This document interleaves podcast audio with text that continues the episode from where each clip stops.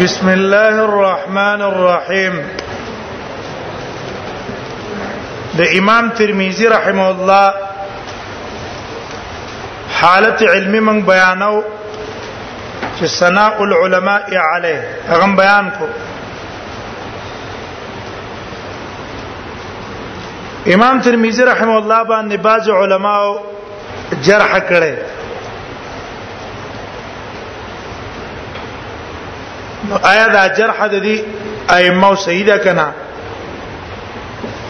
چې بعضی کسان د جرح حقیقت ته نه معلوم نو د امام ترمذی مبارکي دا سه خبرې کوي چې امام ترمذی رحم الله شان کته کیږي پاګې باندې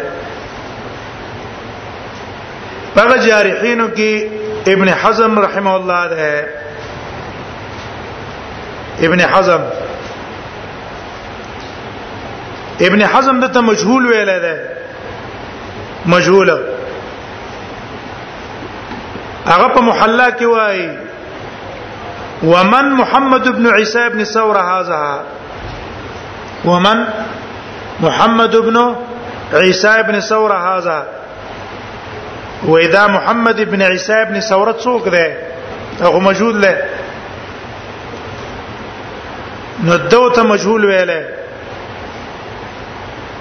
بعض علما خورا لګیدلې دي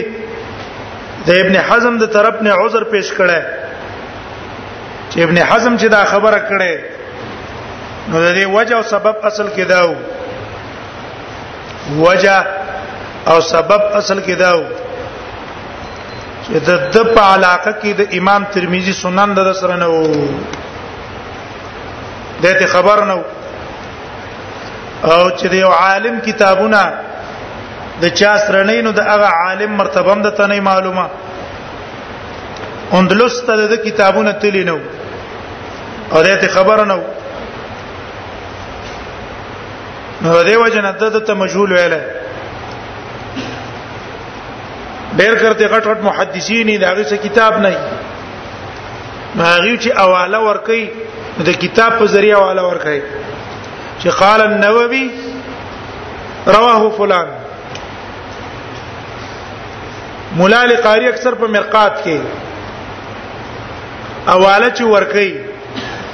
په سنن ابي داود باندې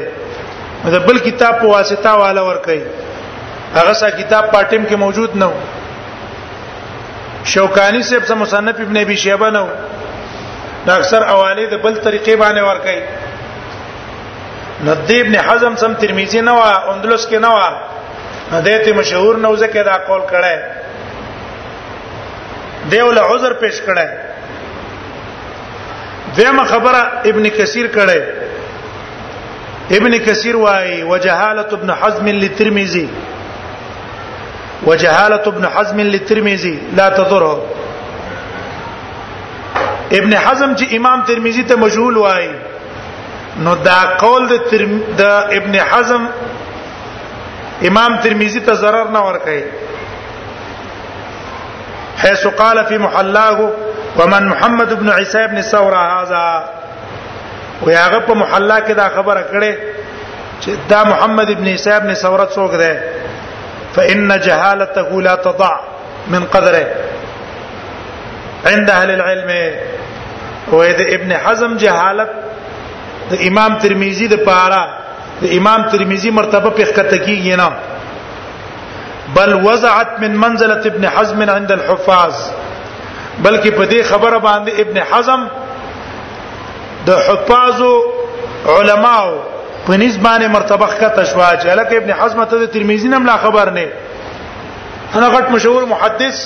او کتاب په کې لیکل او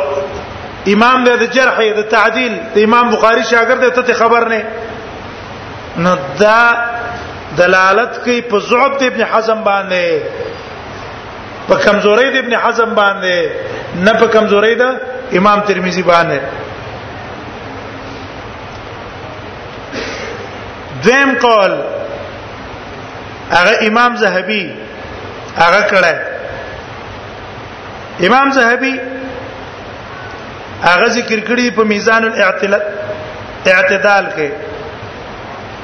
چې ولا يعتمد العلماء ولا تصحيح الترمذي ولا يعتمد العلماء على تصحيح الترمذي میزان الاعتدال دریم جلد کې څلور سوا و صفحه ده وی عام علما د امام ترمذی په تصحیح باندې اعتماد نه کوي چې هغه یو حدیث ته صحیح وي دا دګنی صحیح سلورم جل کې به وای د میزان الاعتدال کې سلورم جل 414 کې ولا يع... ولا يعتد بالتصحيح الترمذي ولا يعتد بتحسين الترمذي فعند المحققه غالب هذه عاف و امام ترمذی چې کوم روایت تا کوم روایت تا حسن ویل ده د تحسین له اعتبار نشتا وی وجه دا چې تحقیق سره من کړه ده نو غالب اگر روایتونه چې امام ترمذی وتا حسن ویل دي نو هغه ضعیف دي ضعیف نو بعض علما چې خاص کر پای کې به معاصرین علما کوم دي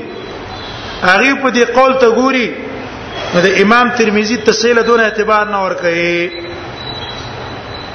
دسه وی رواه الترمذی وصححه فلان رواه الترمذی وصححه فلان د امام ترمذی تسهیل اعتبار نه ور کوي دا بل عالم هغه له اعتبار ور کوي نه د سوایا صحح ترمذی والحاکم وفلان وفلان اوایا امام ترمذی تسل اعتبار نه ور کوي د بل تسل اعتبار ور کوي نو د دې خبرې جواب علماو دا کړه نور الدین یو عالم دی شیخ نور الدین عطر اگر لګیدل ده په دې باندې رد کړي په دې خبره چې د امام زاهبی دا خبره صحیح نه ده او دا غیر پاره وجه خو دی اوله وجه اعتماد العلماء اعتماد الائمه للترمذي اکثر ائمه د امام ترمذي په تصحیح او په تحسین باندې اعتراض کړی لکه حافظ حافظ عراقي هغه په ترمذی باندې شرح کړي پاغي کې وایي وما نقله عن العلماء انهم لا يعتمدون على تصحيح الترمذي ليس بجيد وې دا صحیح نه ده وما زال الناس يعتمدون تصحيحا اکثر خلکو د امام ترمذی په تصحیح باندې څه کړی دی اعتماد کړی دی زهبی چې کوم قول کړی ودا قول صحیح نه دی دویم وجه د امام ترمذی تصحیح له زکه اعتبار شته تحسین له زکه اعتبار شته چې غالب ما اتى به با حسبه البخاري والدارمي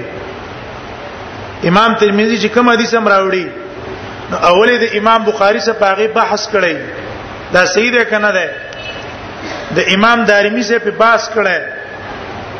د امام رازی سره په بحث کړي ابو زرعه رازی سره هغه سره په بحث کړي د باس نه پس به او ته وی چې دا صحیح دی یا دا حسن دی نو چې د بحث نه رستو دا یو حدیث ته صحیح وي حسن وي نو ته موږ څنګه وایو چې په دې اعتماد نشته د باس مباحثې نه رستو یو حدیث باندې حکم کول او د چم سره باس کړی دا ای مصر چې کم ائمه دي د جرح او غټي مامان دي او دا غي نه بعد به دا حدیث راوړي نو څنګه به داغه په تصحیح او په تحسین باندې اعتماد نه دریم وجه د زو پیدا ده چې دا انتقاد د امام زهبي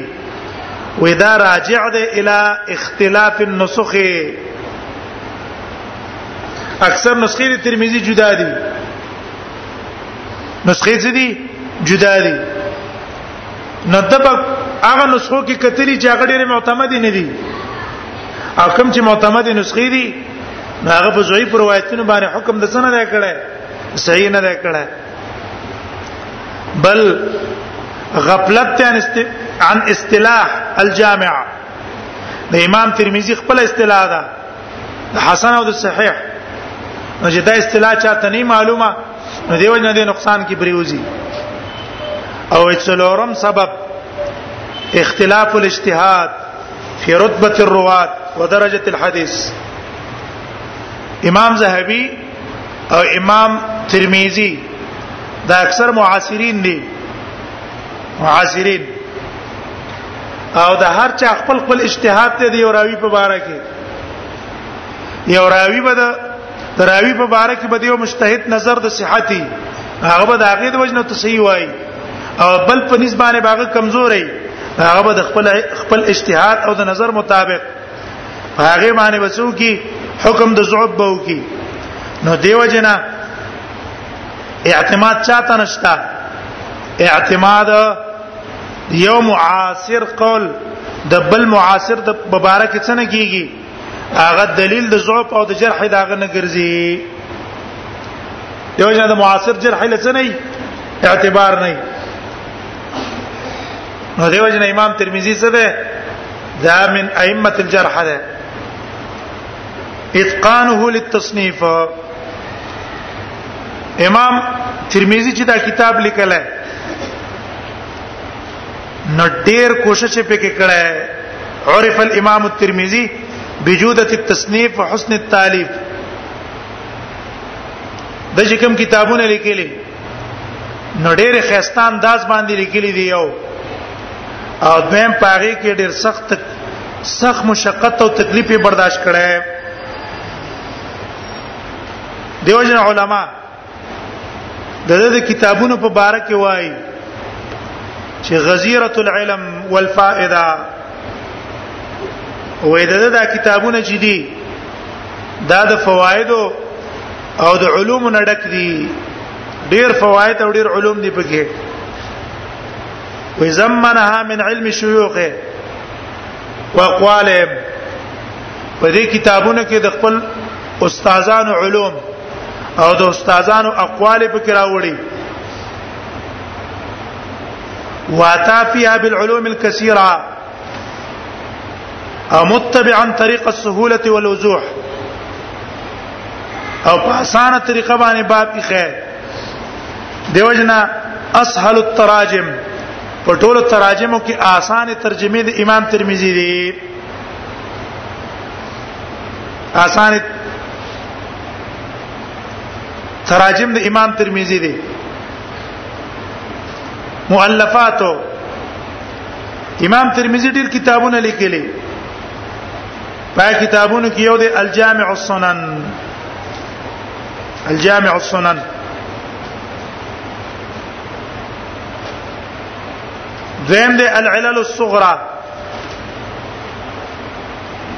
او دا په دې ترمذی پسې په شاته راوړل العلل الصغرى چې باغی کې مصنف رحم الله بیان کړی د خپلې طریقې په تصنیف د ترمذی سنن ترمذی چې ما دا سنن ترمذی په کومه طریقه لیکلې ازمانه جو طریقه په دې کې صدا او دا سنن ترمذی د الله ډیر شهرت ور کړو د دې خپل کتاب د لکرستو به وایو خپل نوم د دې کتاب السنن کتاب السنن عن رسول الله ومعرفة الصحيح والمعلول كتاب السنن کتاب السنن دوی زهبي په دا پیړه کې پیدا شوه زهبي خدا خپل قول د بل نه نقل کړي قول چې چا نه نقل کړي د هغه سره معاصر ده نو العلل نوم دې کتاب څه الجامع السنن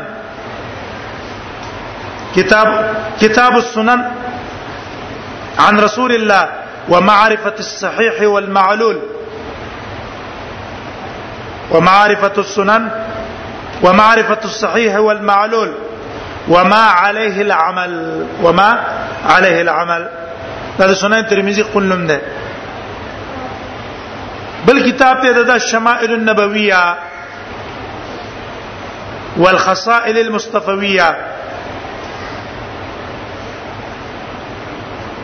بل کتاب دی العلل المفرد یا العلل الكبير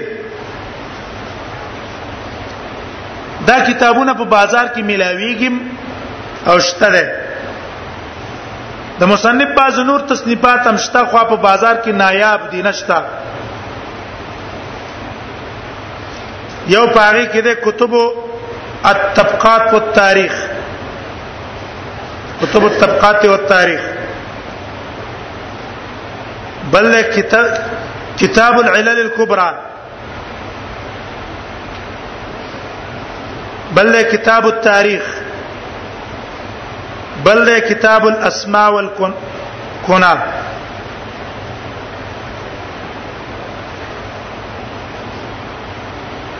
داود د مصنفات مذهبه الفقهي دا مذهب څو مذهب دا تاسو ته معلومه ده چې رستو زمانہ کې علما دوه قسمونه د تقسیم شوی دي القرن الثاني کې په دویمه پیړۍ کې علما او تقسیم دوه دوو مذهبونو ته تقسیم شوه یو ته ویل کیږي اهل الرای بل ته ویل کیږي اهل الحدیث دا په دویمه پیړۍ کې دي اهل الحدیث او اهل الرای هغه زمانہ کې دي امام ترمذی په باره کې علما چاویلی چې دا شافعي دي او څوک چې دا حنبلي دي او څوک وي چې دا د پلانکی مذهب سره تعلق لري مالکی دی لیکن دا ټول خبره غلطه دي دا د اهل الرای نه نه ده بلکې ائمه د کتب سته او دانه حنابلو نه شوافعو بلکې مجتهدینو په خپل مجتهدینو او تدوین احادیث کتاب تخریج د احادیث کړه ده په طریقې د عام فقها محدثینو او دا خبره د دهلوی صاحب شاول الله دهلوی اغم په الانصاف کې دا کتاب د الانصاف په مسائل الخلاف چې یاره په دې اختلافي مسایلو کې انصاف څه دی پای کې دا خبره ثابته کړي چې دا ائمه د چا مقلدین نه دا خپل مجتهدینو مطلق بابم کې غستو او دا حدیث نه به استنباط ته مسائل او د احکام کو دا د چا مقلدین نو نه امام ابو داود نه امام ترمذی نه بخاری نه نسائی دا خپل حقیقین علما دي خپل مجتهدین دي دا قول راجح ده